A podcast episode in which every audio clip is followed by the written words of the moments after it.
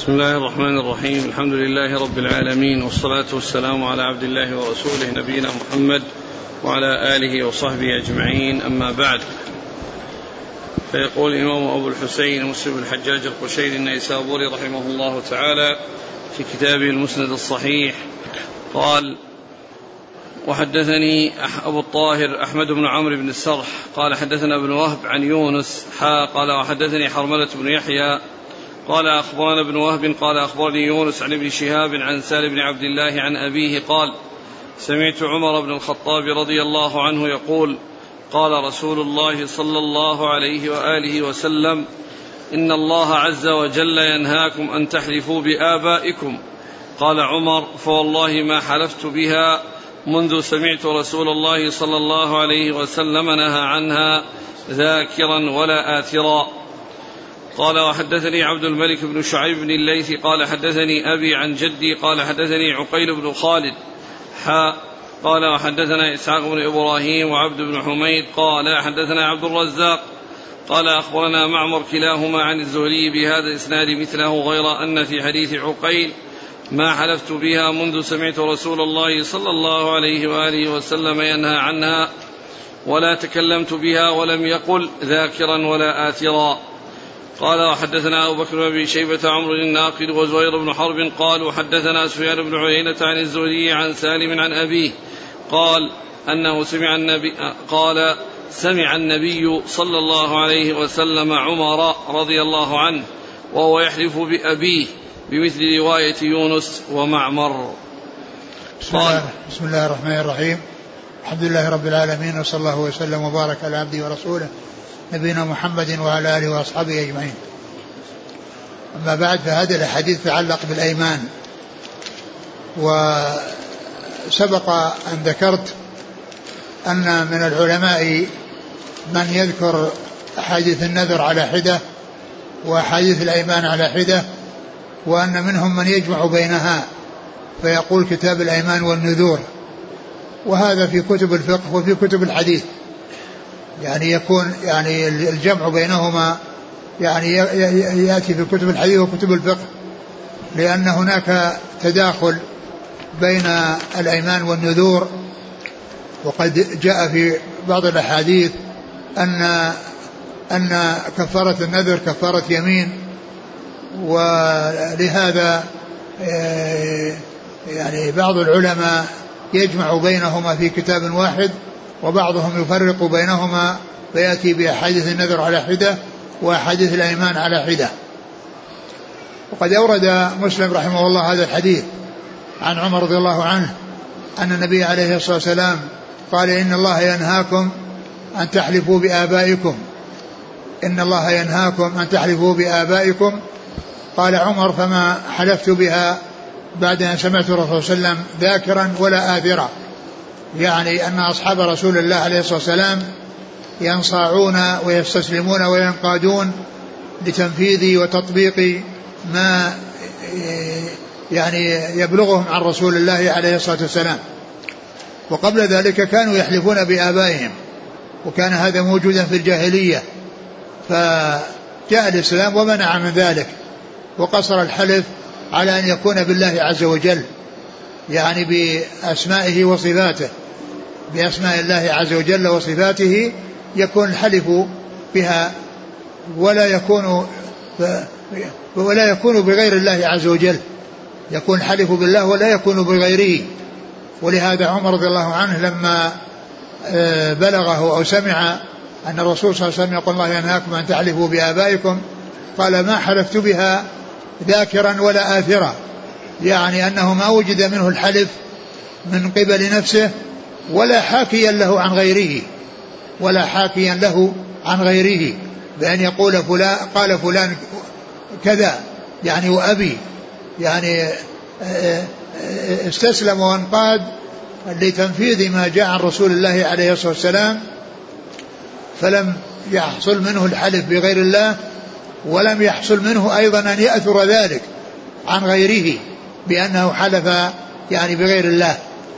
ثم ذكر بعد ذلك الرواية الأخرى التي بعدها وهي التي قال ما ما حلفت بعد سمع سمع صلى الله عليه وسلم ولا تكلم ولا ولا تكلمت بذلك.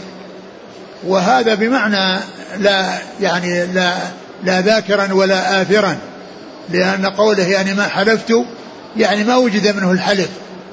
وقوله ولا تكلمت بذلك يعني أنه أثره عن غيره أو تكلم أو, أو, أو نقله عن غيره. فيعني هاتان الجملتان في هذه الرواية التي ليس فيها ذكر أنه ذاكر أو آثر هي بمعنى الرواية السابقة التي هي ما حلفت ذاكرا ولا آثرا. يعني ما حلفت من تلقاء نفسي ولا أثرته عن غيري. وكذلك هنا قوله فما حلفت وما تكلمت بذلك. يعني تكلم بذلك حاكيا عن غيره. نعم. قال حدثني أبو الطاهر أحمد بن عمرو بن سرح عن ابن وهب عبد الله بن وهب. عن يونس بن يزيد الأيلي. حا قال وحدثني حرملة بن يحيى عن ابن وهب عن يونس عن ابن شهاب نعم. محمد بن مسلم بن عبد الله بن شهاب. عن سالم بن عبد الله عن أبيه عن عمر. نعم. قال وحدثني عبد الملك بن شعيب بن الليث عن فهو أبيه. من رواية يعني سالم بن عبد الله عن أبيه عن عمر من رواية الابن عن أبيه عن جده. من رواية الابن عن أبيه عن جده. رواية الحفيد رواية الحفيد عن أبيه ورواية أبيه عن جد الحفيد الذي هو عمر بن الخطاب رضي الله عنه. وهو من رواية من روايته عن أبيه عن جده. نعم وفي أول الإسناد يعني أيضا كذلك الطريقة الثانية عبد الملك بن شعيب بن عبد الملك عبد الملك بن ابن شعيب بن الليث. نعم بن شعيب بن الليث من رواية الابن عن أبيه عن جده. نعم. عن عقيل بن خالد. عقيل بن خالد بن عقيل. حا قال حدثنا إسحاق بن إبراهيم وعبد بن حميد عن عبد الرزاق بن همام الصنعاني اليماني. عن معمر بن راشد الأزدي البصري ثم اليماني. قال وحدثنا أبو بكر بن أبي شيبة عمرو الناقد وزهير بن حرب عن سفيان بن عيينة عن الزهري عن سالم عن أبيه عن النبي صلى الله عليه وسلم. نعم. قال وحدثنا قتيبة بن سعيد قال حدثنا ليث قال وحدثنا محمد بن رمح واللفظ له قال أخبرني الليث عن نافع عن عبد الله عن رسول الله صلى الله عليه وسلم أنه أدرك عمر بن الخطاب رضي الله عنه في ركب وعمر يحلف بأبيه فناداهم رسول الله صلى الله عليه وسلم ألا إن الله عز وجل ينهاكم أن تحلفوا بآبائكم؟ فمن كان حالفا فليحلف بالله أو ليصمت. ثم ذكر هذا الحديث عن عمر رضي الله عنه وهو أنه كان في ركب وكان يحلف بأبيه يقول وأبي وأبي. فالرسول صلى الله عليه وسلم ناداهم وقال لا تحلفوا بآبائكم. لا تحلفوا بآبائكم. هذا وجه التنصيص على ذكر الآباء لأنه وجد الحلف بهم. التنصيص على ذكر الآباء لأنه وجد الحلف بهم. فأدركهم وعمر يقول وأبي وأبي فقال عليه لا تعلوا بآبائكم. ثم ذكر قاعدة عامة تشمل الحلف بالآباء وغيرهم وأن الإنسان إذا أراد أن يحلف يحلف بالله أو ليصمت. ما كان حالفا فليحلف بالله أو ليصمت. إذا كان ولا بد من الحلف فليكن بالله. وإلا فليسكت ولا يحلف.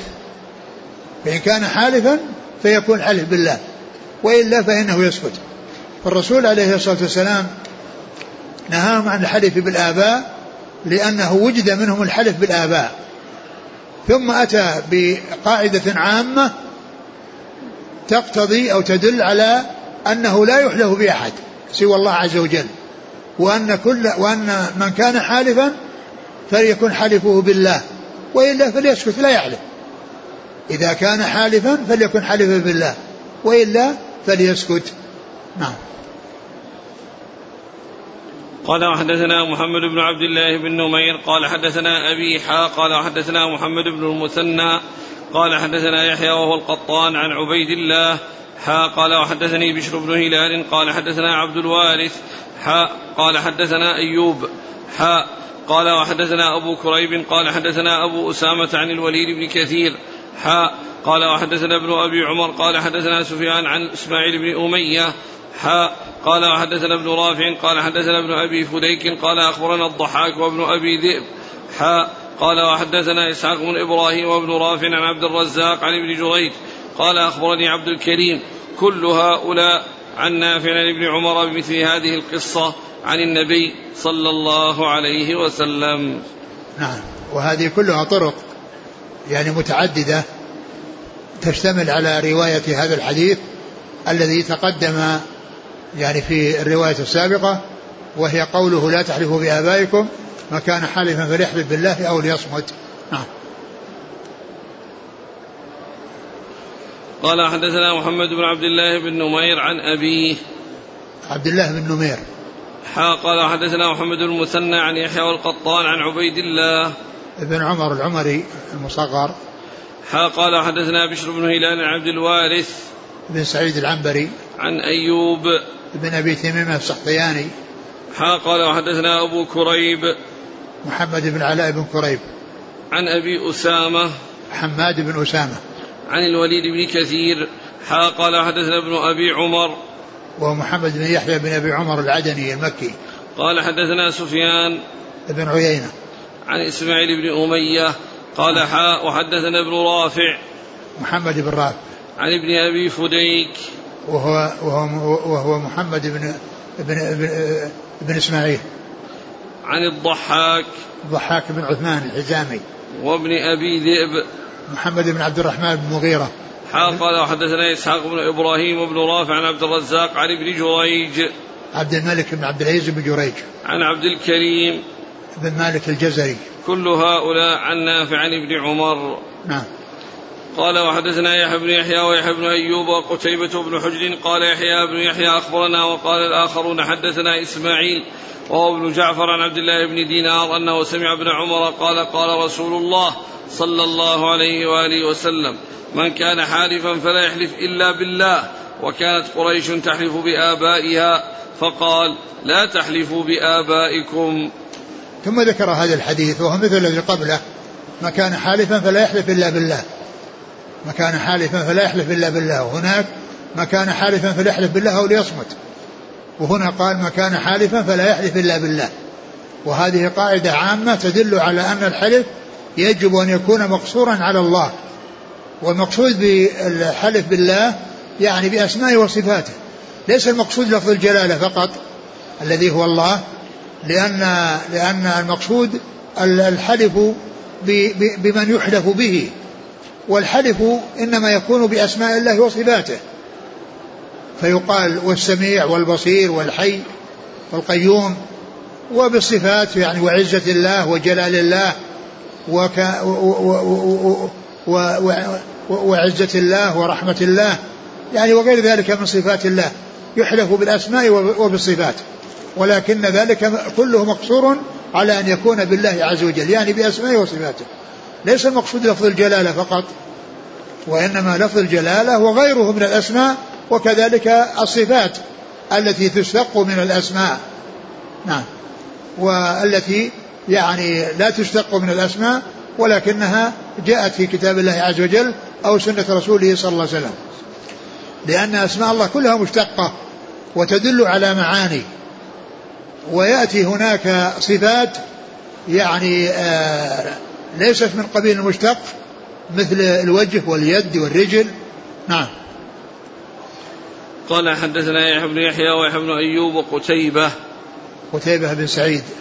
وابن حجر. وسبق أن عرفنا مرارا وتكرارا أن قتيبة هو الشخص الوحيد الذي يسمى بهذا الاسم في الكتب الستة.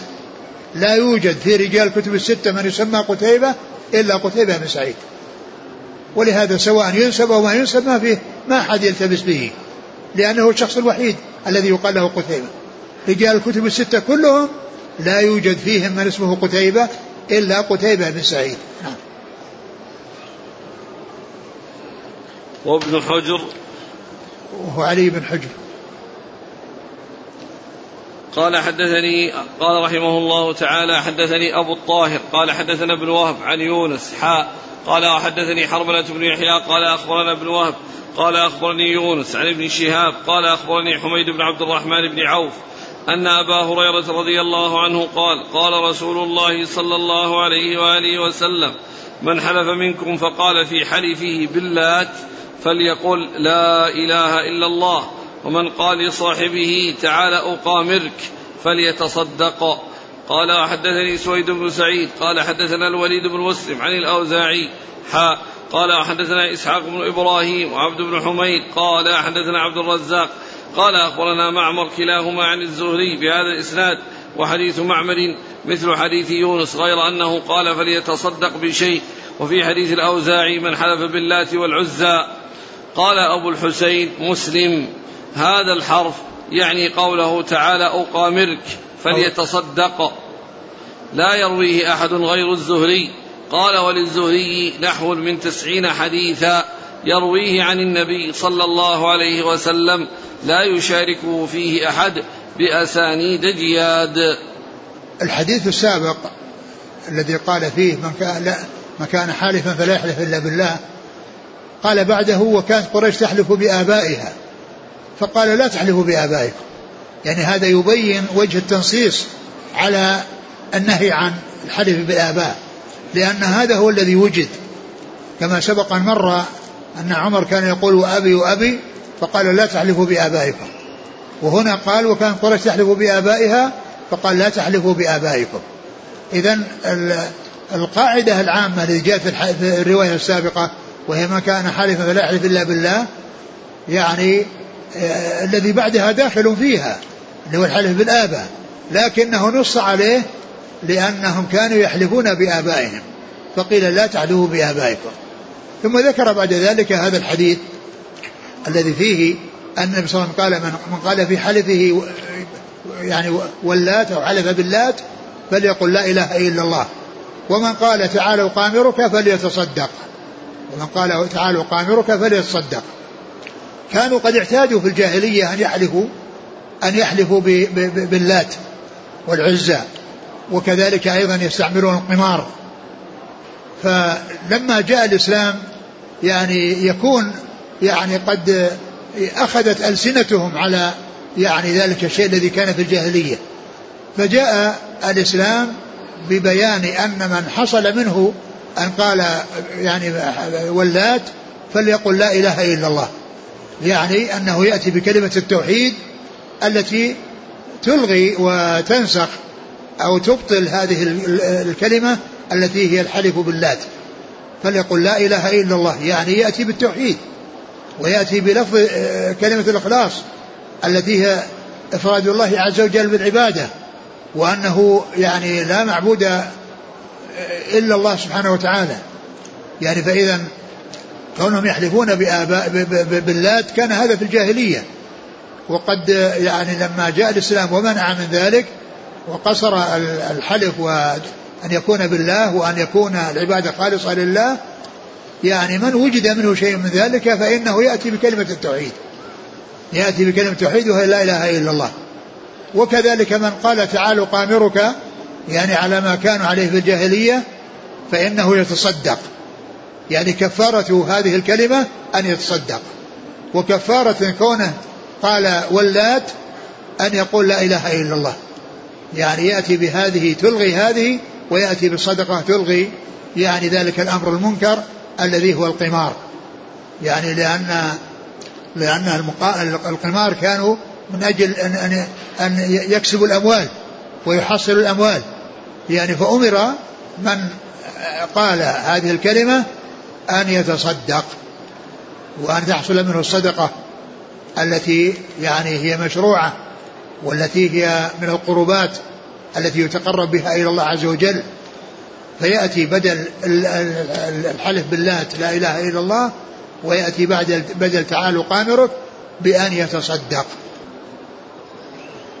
ثم ذكر أن الزهري رحمه الله أنه قال قال أبو أبو الحسين مسلم الحجاج يعني لما ذكر هذا الحديث قال إن تعالوا قامرك هذا إنما يعرف عن الزهري. قال وهناك أحاديث تبلغ تسعين ممن فرد بها الزهري وهي أحاديث صحيحة. يعني معناه تفرده لا يؤثر لأن الثقة إذا تفرد بشيء أو جاء عنه شيء فإن فإن تفرده لا يؤثر. وإنما يؤثر تفرد الضعيف أو الذي يعني حفظه يعني سيء الحفظ هذا هو الذي يؤثر تفرده. أما إذا كان ثقة فإن تفرده لا يؤثر. يعني لأن بل ذكر أن الزهري له تسع تسعين يعني حديثا أو حرفا انفرد بها وذلك لا يؤثر لأن انفراده يعني بالشيء وهو حافظ وهو ثقة حافظ لا يؤثر. وسبق أن مر بنا قريبا الحديث الذي فيه يعني النهي عن بيع الولاء وهبته قال يعني بعضهم والناس عيال على عبد الله بن دينار في هذا الحديث. يعني إنه ما يعرف إلا عن طريقه. يعني هذا الحديث وهو النهي عن بيع الولاء وهبته الناس فيه عيال على عبد الله بن دينار. لأنه جاء من طريقه. لكن كما هو معلوم الثقة إذا تفرد في شيء لا يؤثر. ولهذا أول حديث في صحيح البخاري هو من قبيل من هذا القبيل.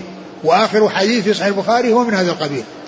فأول حديث إنما من باب النيات تفرد به عمر بن الخطاب عن رسول الله عليه الصلاة والسلام وتفرد به عن عمر علقمة بن وقاص الليثي وتفرد به عن علقمة وقاص الليثي محمد إبراهيم التيمي وتفرد به عن محمد إبراهيم التيمي يحيى بن سعيد الأنصاري. ثم بعد ذلك اتسع بعد يحيى بن سعيد الأنصاري. كثر الآخذون عنه لكن قبل ذلك هو يعني أفراد ما ما جاء من الطريق. وآخر حديث في البخاري كلمتان حبيبتان الرحمن خفيفتان على اللسان ثقيلة في الميزان. سبحان الله وبحمده سبحان الله العظيم. يعني انفرد برواية أبو هريرة عن رسول الله عليه الصلاة والسلام وانفرد برواية عن أبي هريرة آه، أبو زرعة بن عمرو بن جرير ويعني يعني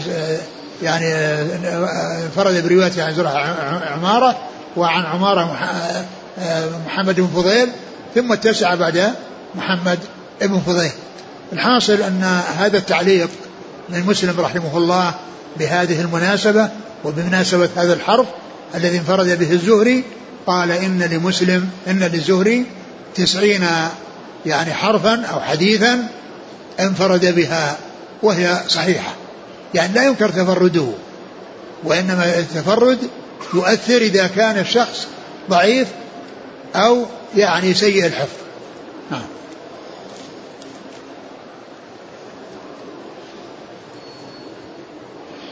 قال حدثنا أبو بكر بن أبي شيبة قال حدثنا عبد الأعلى عن هشام عن الحسن عن عبد الرحمن بن سمرة رضي الله عنه أنه قال قال رسول الله صلى الله عليه وسلم لا تحلفوا بالطواغي ولا بآبائكم.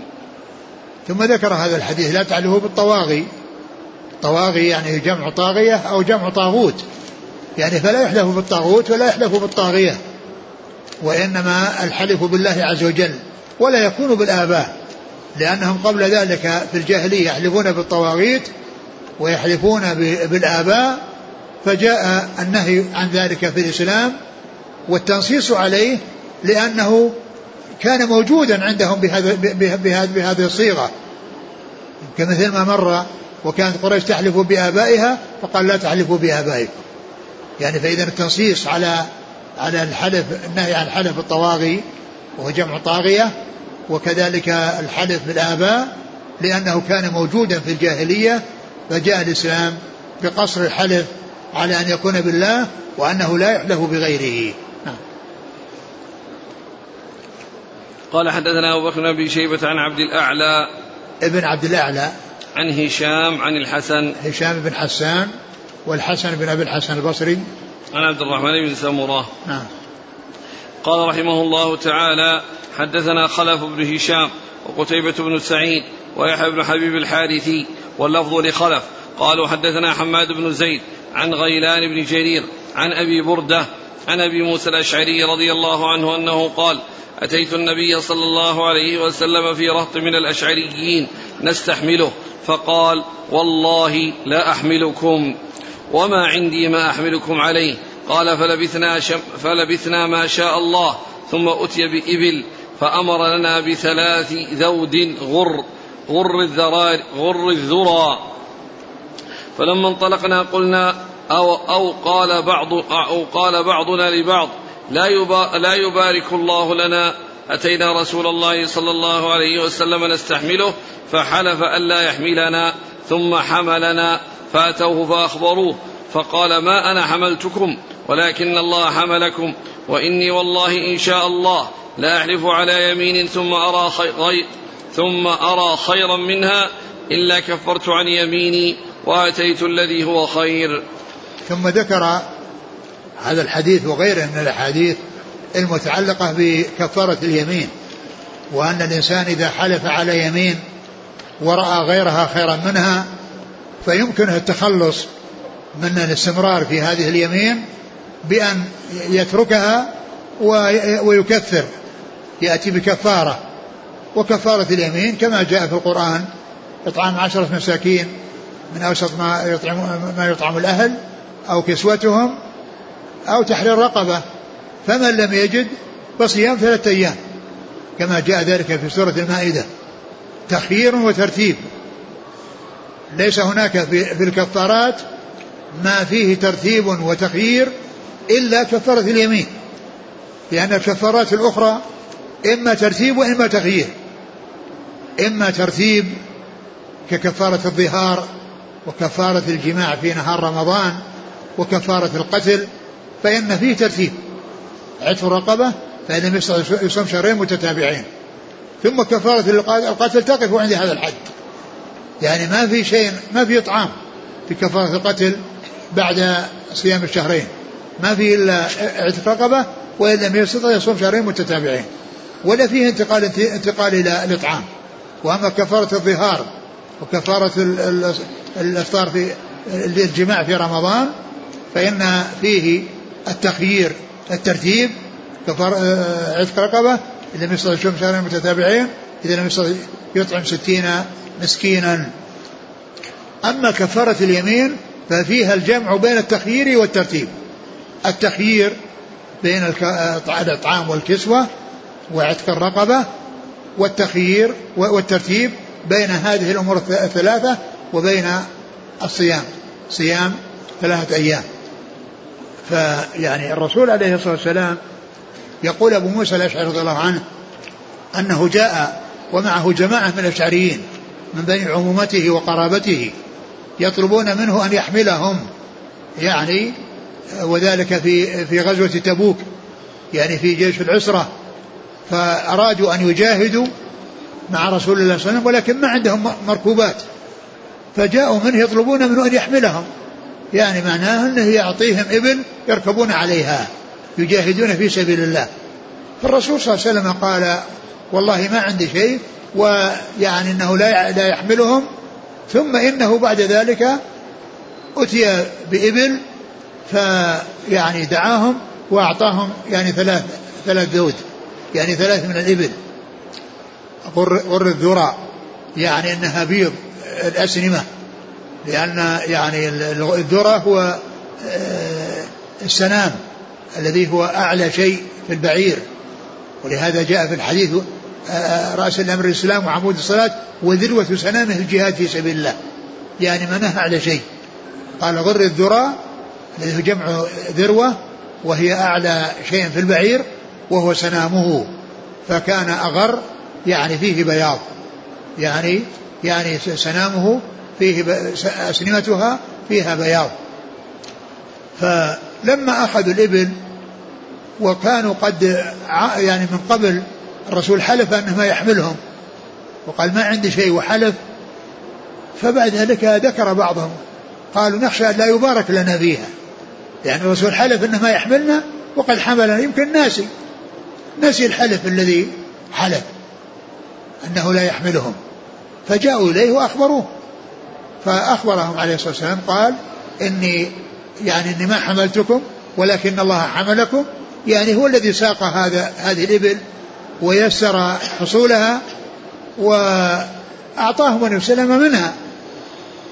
ثم أخبر عليه السلام بأنه لا يحلف على يمين فيرى غيرها خيرا منها إلا كفر عن يمينه وأتى الذي هو خير.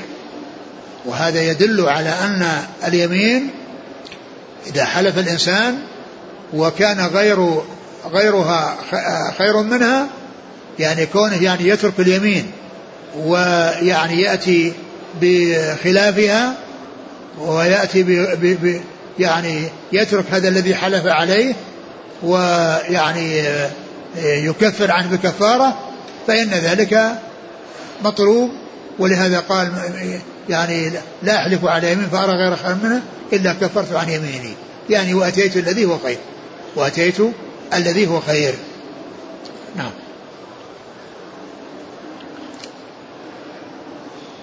عن أبي بردة عن أبي موسى الأشعري.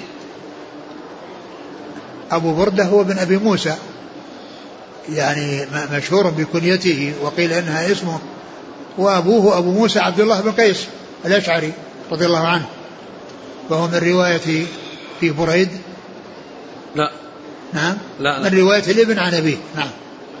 قال حدثنا عبد الله بن براد الأشعري ومحمد بن علاء الهمداني وتقاربا في اللفظ.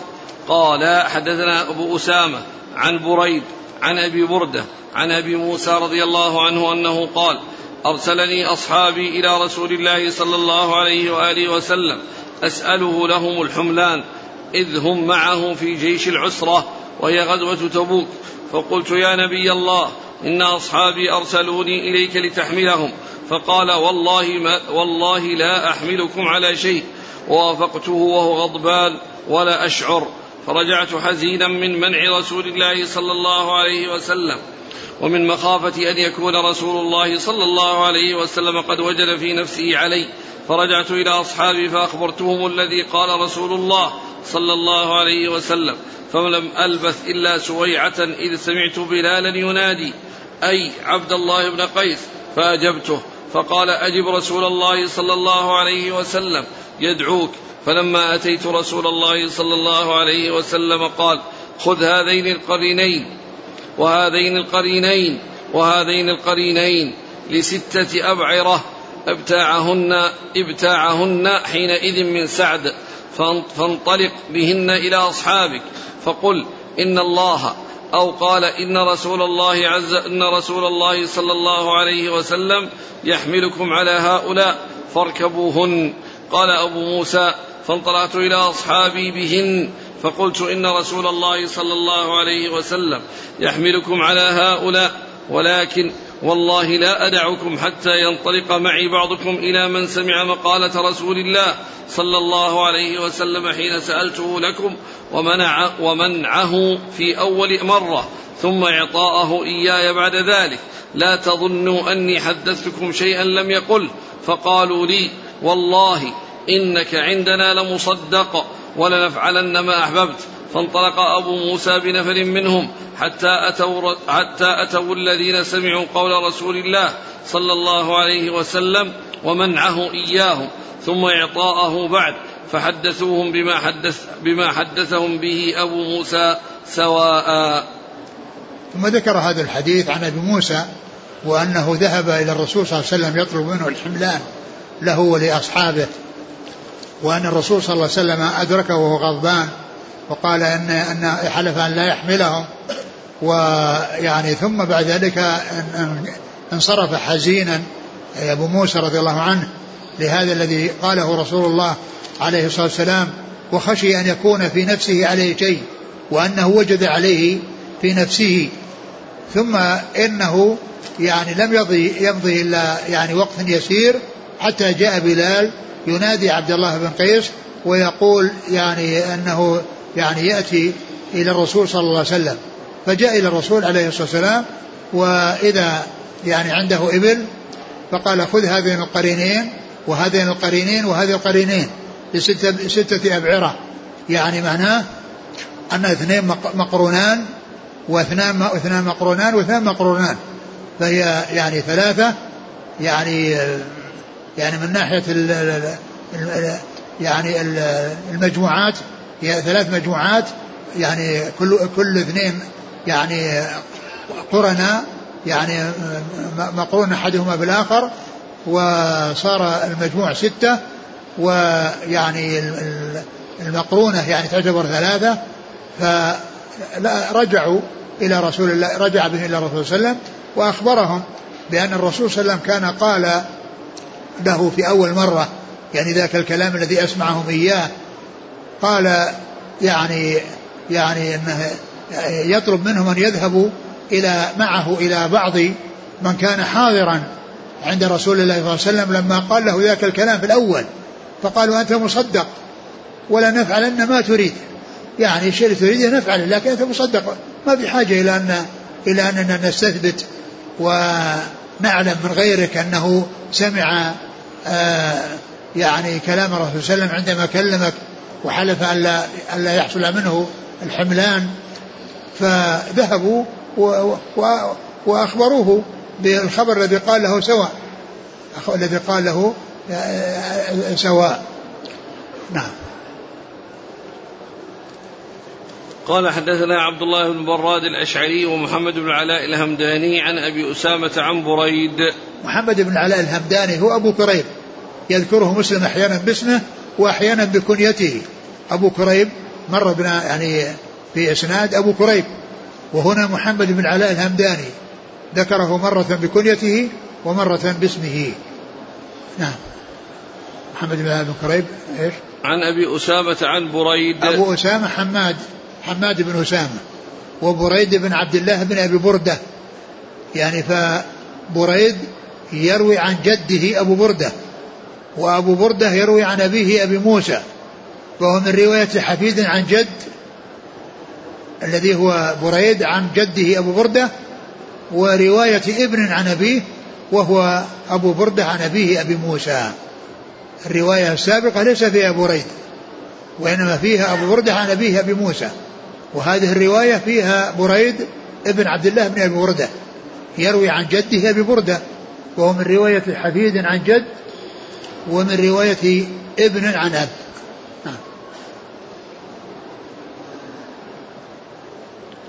قال حدثني أبو الربيع العتكي قال حدثنا حماد يعني بن زيد عن أيوب عن أبي قلابة وعن القاسم بن عاصم عن زهد بن عن عن زهد بن الجرمي. قال أيوب وأنا لحديث القاسم لحديث القاسم أحفظ مني لحديث أبي قلابة. قال كنا عند أبي موسى فدعا بمائدته وعليها لحم دجاج فدخل رجل من بني تيم الله أحمر شبيه بالموالي فقال له هلم فتلك فقال هلم فإني قد رأيت رسول الله صلى الله عليه وسلم يأكل منه فقال الرجل إني رأيته يأكل شيئا فقدرته فحلفت ألا أطعمه قال فقال هلم أحدثك عن ذلك إني, رأي إني أتيت رسول الله صلى الله عليه وسلم في رهط من الأشعريين نستحمله. فقال والله لا أحملكم وما عندي ما أحملكم عليه. فلبثنا ما شاء الله. فأتي رسول الله صلى الله عليه وسلم بنهب إبل فدعا بنا فأمر لنا بخمس ذود غر الذرى. قال فلما فلما انطلقنا قال بعضنا لبعض أغفلنا رسول الله صلى الله عليه وآله وسلم يمينه. لا يبارك لنا. فرجعنا إليه فقلنا يا رسول الله إنا أتيناك نستحملك وإنك حلفت ألا تحملنا ثم حملتنا. أفنسيت يا رسول الله? قال إني والله إن شاء الله لا أحلف على يمين فأرى غيرها خيرا منها إلا أتيت الذي هو خير وتحللتها. فانطلقوا فإنما حملكم الله عز وجل. ثم ذكر هذا الحديث عن أبي موسى وذكره بمناسبة مستدلا به على قصة وهي أنه كان يعني عند أبي موسى طعام لحم دجاج. فكان فيه رجل يعني من من من من شنوءة يعني آه فطلب منه أن أن يأكل. وقال إن الرسول كان يأكل منه يعني الرسول كان يأكل لحم الدجاج. يعني فيه يعني يعني معناه أن هذا الذي يأكله قد أكل منه أكله أي هذا النوع أو هذا الجنس اللي هو الدجاج لحم الدجاج أكله رسول الله صلى الله عليه وسلم. فطلب من هذا أنه يشاركه وأن يأكل من هذا الشيء الذي قد أكل منه الرسول صلى الله عليه وسلم. وهذا الرجل يعني قال إن أنه رأى أنه يأكل شيئا فقدره يعني ما استساغته نفسه. فقال يعني تعال أحدثك أو أخبرك يعني بأن الإنسان إذا حلف لأنه حلف أنه ما يأكل.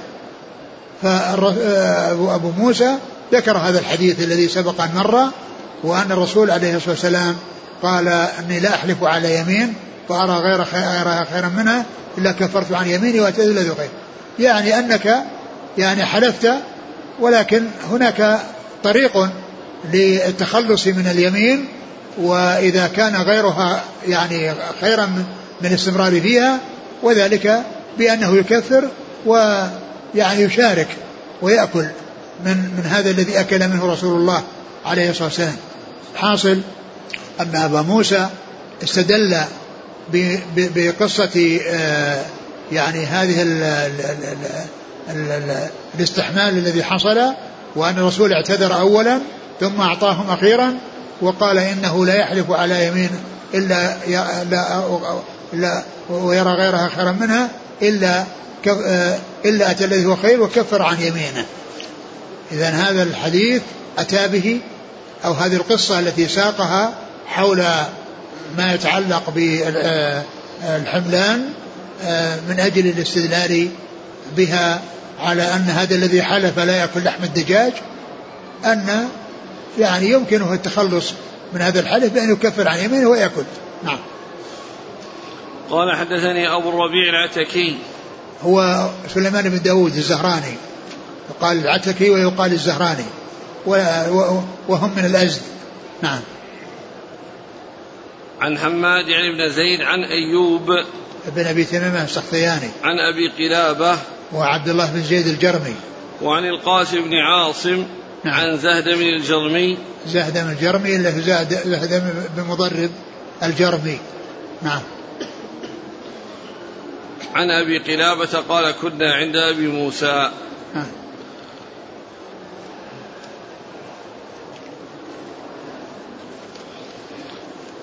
قال وحدثنا ابن أبي عمر قال حدثنا عبد الوهاب الثقفي عن أيوب عن أبي قلابة والقاسم التميمي عن زاد بن الجرمي قال كان بين هذا الحي من جرم وبين الأشعريين ود واخاء فكنا عند أبي موسى الأشعري فقرب إليه طعام فيه لحم دجاج فذكر نحوه.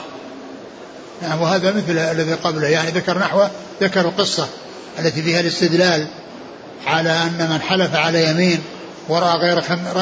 غيرها خيرا منها يكفر عن يمينه ويأتي الذي هو خير نعم. قال حدثنا ابن أبي عمر عن عبد الوهاب الثقفي. عبد الوهاب بن عبد المجيد. قال وحدثني علي بن حجر السعدي وإسحاق بن إبراهيم وابن نمير عن إسماعيل بن علية عن أيوب عن القاسم التميمي عن زاد بن الجرمي. حاء قال وحدثنا ابن أبي عمر قال حدثنا سفيان عن أيوب عن أبي قلابة عن زهد بن الجرمي.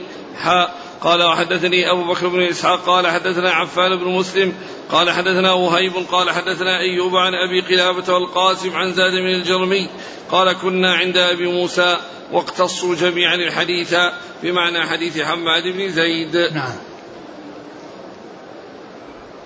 قال وحدثنا ابن أبي عمر عن سفيان. سفيان بن عيينة. ها قال وحدثني أبو بكر بن إسحاق. أبو بكر بن إسحاق؟ هو محمد بن اسحاق محمد بن الصاغاني نعم. عن عفان بن مسلم عن وهيب. وهيب بن خالد. قال وحدثنا شيبان بن فروخ قال حدثنا الصعق يعني ابن حزن يعني ابن حزن. قال حدثنا مطر الوراق قال حدثنا زاد بن الجرمي. قال دخلت على أبي موسى وهو ياكل لحم دجاج وساق الحديث بنحو حديثهم وزاد فيه قال إني والله ما نسيتها. يعني أن قال ما نسيتها يعني لأن جاء في بعض الروايات أنسيت يعني أنهم يعني جاءوا وقالوا أننا أتيناك وأنك حلفت أن لا تحملنا وخشوا أن يكون رسول نسي وقالوا لا يبارك لنا يعني في هذه الإبل لأن الرسول حلف أن لا يحملنا وقد حملنا يمكن يكون نسي. فقال إني ما نسيتها ولكني لا أحلف على يمين وأرى غيرها خيرا منها إلا كفرت عن يميني وأتيت الذي هو خير.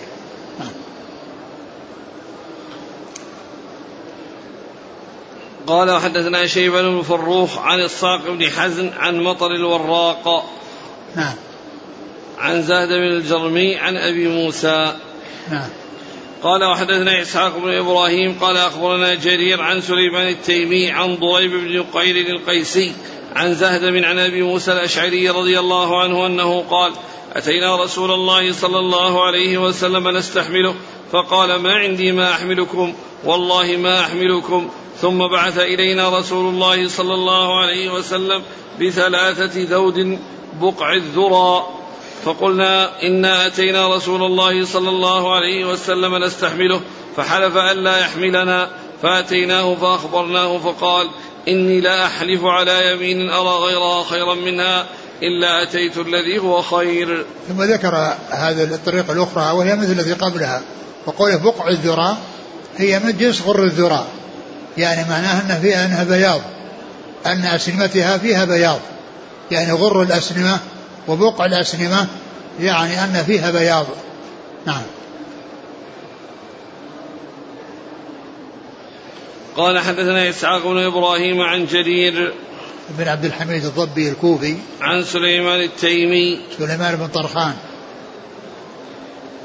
قال حدثنا محمد بن عبد الأعلى التيمي. قال حدثنا المعتمر عن أبيه قال حدثنا أبو السليل عن زهدم يحدثه عن أبي موسى قال كنا مشاه فأتينا نبي الله صلى الله عليه وسلم نستحمله بنحو حديث جرير. نعم وهذا مثل الذي قبله.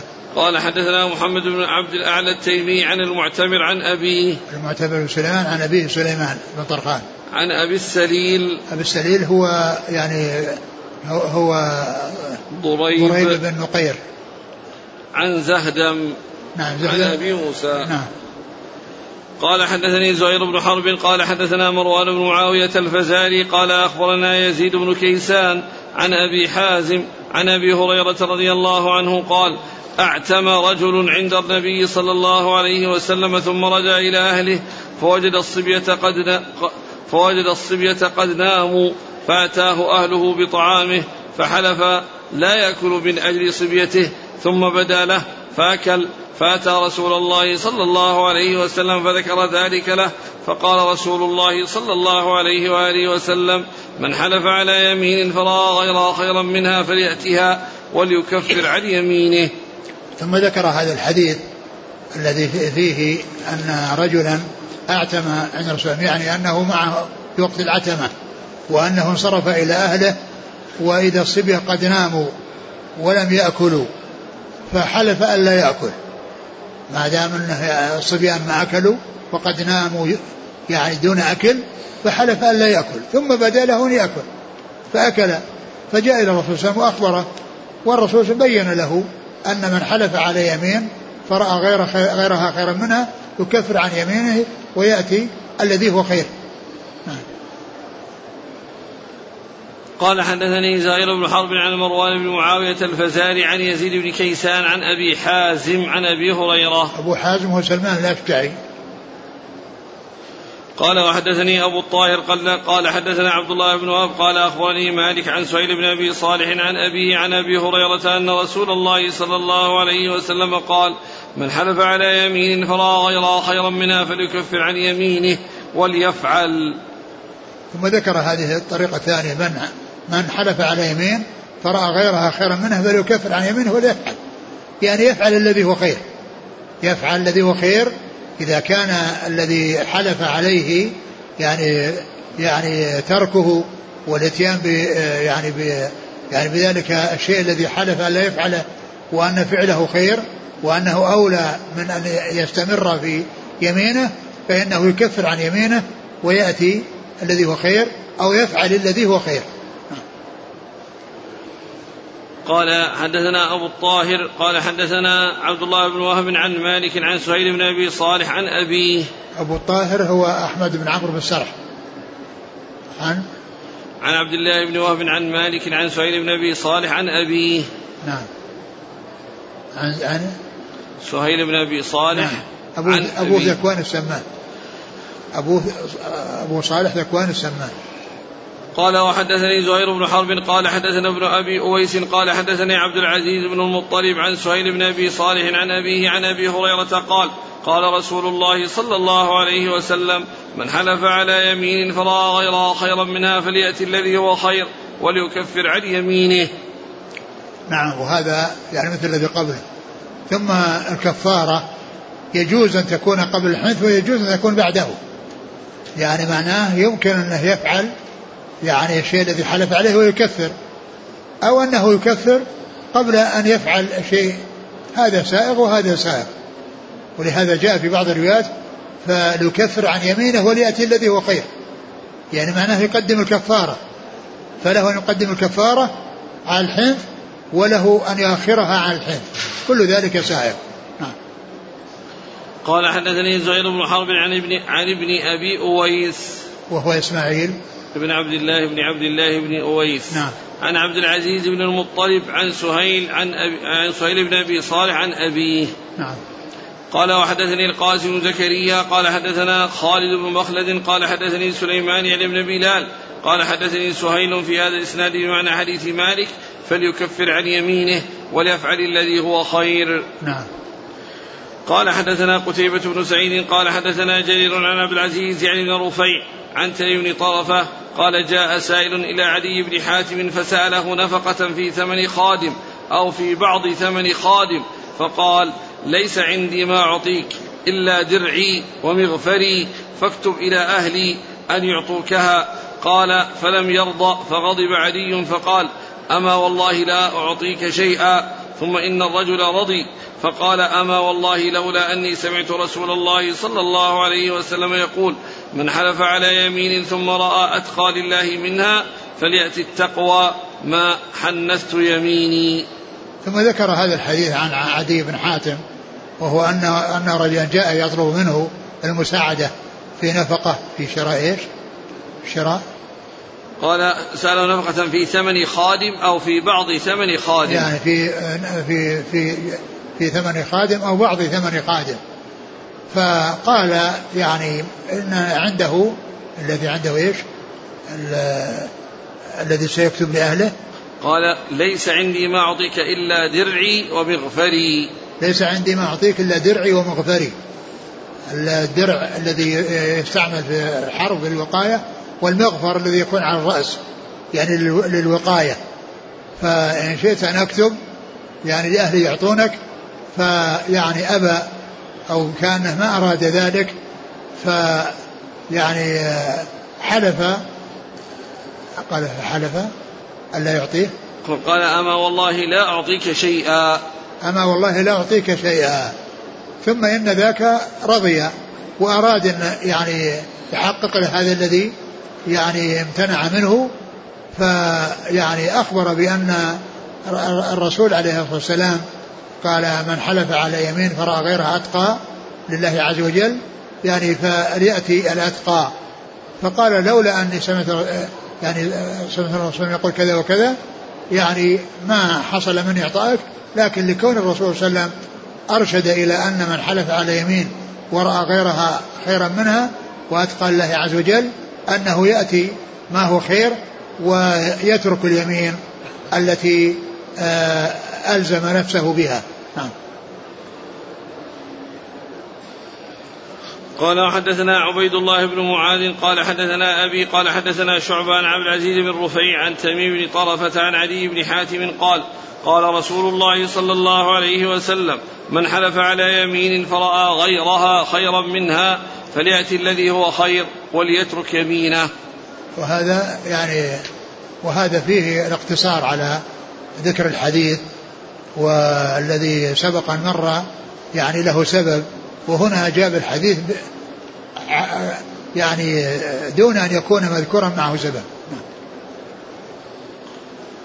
قال حدثني محمد بن عبد الله بن نمير ومحمد بن طريف البجلي واللفظ لابن طريف. قال حدثنا محمد بن فضيل عن الأعمش عن عبد العزيز بن رفيع عن تميم الطائي عن علي رضي الله عنه أنه قال قال رسول الله صلى الله عليه وسلم إذا حلف أحدكم على اليمين فرأى خيرا منها فليكفرها وليأتي الذي هو خير. وهذا مثل الذي قبله. قال حدثنا محمد بن فضيل عن الأعمش. الأعمش سليمان بن مهران الكاهلي. قال وحدثنا محمد بن طريف قال حدثنا محمد بن فضيل عن الشيباني عن عبد العزيز بن رفيع عن تميم الطائي عن عدي بن حاتم رضي الله عنه أنه سمع النبي صلى الله عليه وسلم يقول ذلك. نعم. عن الشيباني. وهو سليمان بن أبي سليمان. أبو إسحاق الشيباني.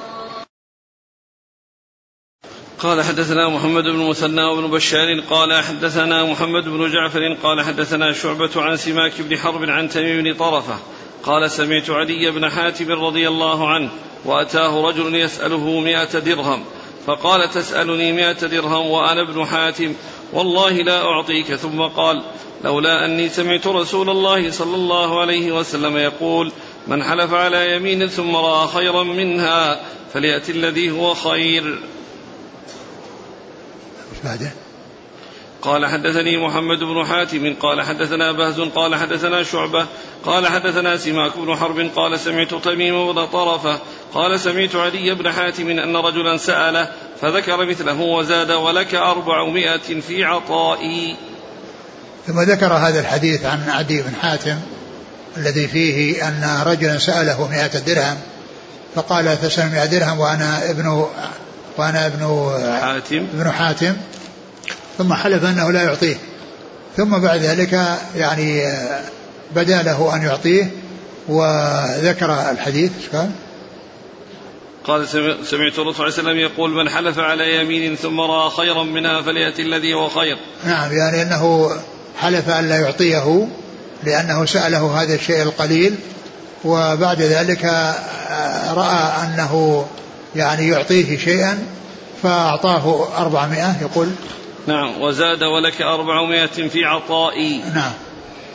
قال حدثني محمد بن حاتم قال حدثنا بهز. بهز بن أسد العمي.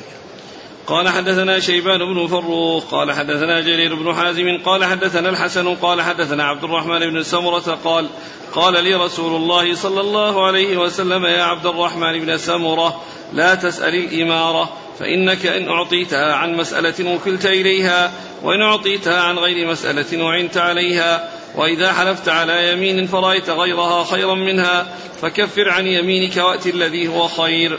قال أبو أحمد الجلودي قال حدثنا أبو العباس المأسرجرسي قال حدثنا شيبان بن فروخ بهذا الحديث قال حدثني علي بن حجر السعدي قال حدثنا هشيم عن يونس ومنصور وحميد حاء قال حدثنا أبو كامل الجحدري قال حدثنا حماد بن زيد عن سماك بن عطية ويونس بن عبيد وهشام بن حسان في آخرين. حاء قال وحدثنا عبيد الله بن معاذ قال حدثنا المعتمر عن أبيه حاء قال وحدثنا عقبة بن مكرم العمي قال حدثنا سعيد بن عامر عن سعيد عن قتادة كلهم عن الحسن عن عبد الرحمن بن سمرة عن النبي صلى الله عليه وسلم بهذا الحديث. وليس في حديث المعتمر عن أبيه ذكر الإمارة. ثم ذكر هذا الحديث عن عبد الرحمن بن سمرة وفيه شيئان. الطريقة الأولى فيه شيئان وهي أن الرسول قال لا تسأل الإمارة فإنك إن أعطيتها عن غير مسألة عن مسألة. عن مسألة وكلت إليها وأعطيتها عن غير مسألة وعنت عليها. وإذا حلفت على يمين فرأيت غيرها خيرا منها فكفر عن يمينك وأتي الذي هو خير. يعني هذا الحديث أتى به من أجل هذه الجملة الأخيرة.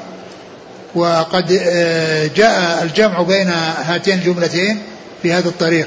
والطريقة الثانية ليس فيها الجملة الأولى وإنما فيها الجملة الثانية التي هي محل الشاهد من إيراد الحديث في هذا في هذا الباب أو هذا الموضع الذي هو آه، ما يتعلق بكفارة اليمين. الذي يتعلق بكفارة اليمين. فيعني ف يعني فهذا الحديث الذي هو إذا حلف على يمين فرأى غير خيرا منها وكفر عن يمين ويأتي الذي هو خير جاء عن عدد من الصحابة يعني يرون ذلك عن رسول الله عليه الصلاة والسلام منها ما يكون من فعله صلى الله عليه وسلم ومنها ما يكون بتوجيهه وإرشاده وأمره للناس أن من حلف على يمين فرأى غيرها خيرا منها فليكفر عن يمينه وليأتي الذي هو خير. قال حدثنا شيبان بن فروخ عن جرير بن حازم عن الحسن. الحسن بن أبي الحسن. عن عبد الرحمن بن سمرة. نعم. قال أبو أحمد الجلودي حدثنا أبو العباس الماسجرسي. يعني ما؟ هذا هذا يعني آه، آه، آه، أبو أبو أحمد الجلودي هذا يعني هو الذي يعني الراوي عن الراوي عن مسلم. لأن الراوي عن مسلم هو أبو إسحاق إبراهيم بن سفيان. وقد سبق أن مر أن مسلم رحمه الله أن أن أن له زيادات على مسلم. فيعني الذي سبق أن مر إبراهيم يذكر يعني بعد ما بعد ما يذكر إسناد مسلم يعني يذكر يعني شيء جاء من طريقه وأنه قد يعني علا برجل. وأما هنا فإن التلميذ تلميذ الراوي الذي هو أبو أحمد الجلودي هو الذي يروي. وبينه يعني وبين آه، شيبان بن فروخ يعني آه، واسطة. لأن لأن مسلم يعني يساوي في الإسناد هذا الماء إيش؟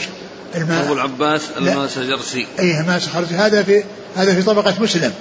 ويعادل مسلم. ويعني هذا الذي هو أبو أحمد جلودي هذا يعني يعني آه يعني يروي عن هذا الذي هو في درجة مسلم فيكون يعني بذلك يعني يعني على برجل. يعني مع أنه أنزل يعني فساواه وعلى وعلى برجل إلا أن آه، آه، آه، التي ذكرها مسلم ذكرها فيما مضى من زيادات إبراهيم بن سفيان. وهذا من زيادات الجلودي الذي هو تلميذ إبراهيم بن سفيان. نعم.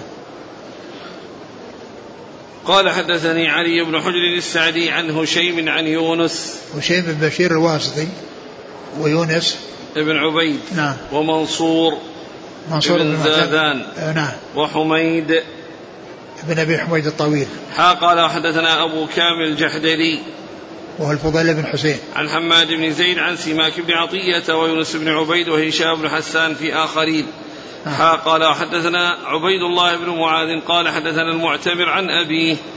حا قال حدثنا عقبة. بن مكرم العمي. نعم. قال حدثنا سعيد بن عامر عن سعيد عن قتادة. سعيد بن أبي سعيد سعيد سعيد بن أبي عروبة عن قتادة بن دعامة السدوسي البصري. كلهم عن الحسن عن عبد الرحمن بن سمرة نعم. الباب. نعم. والله تعالى أعلم وصلى الله وسلم وبارك على عبده ورسوله نبينا محمد وعلى آله وأصحابه أجمعين.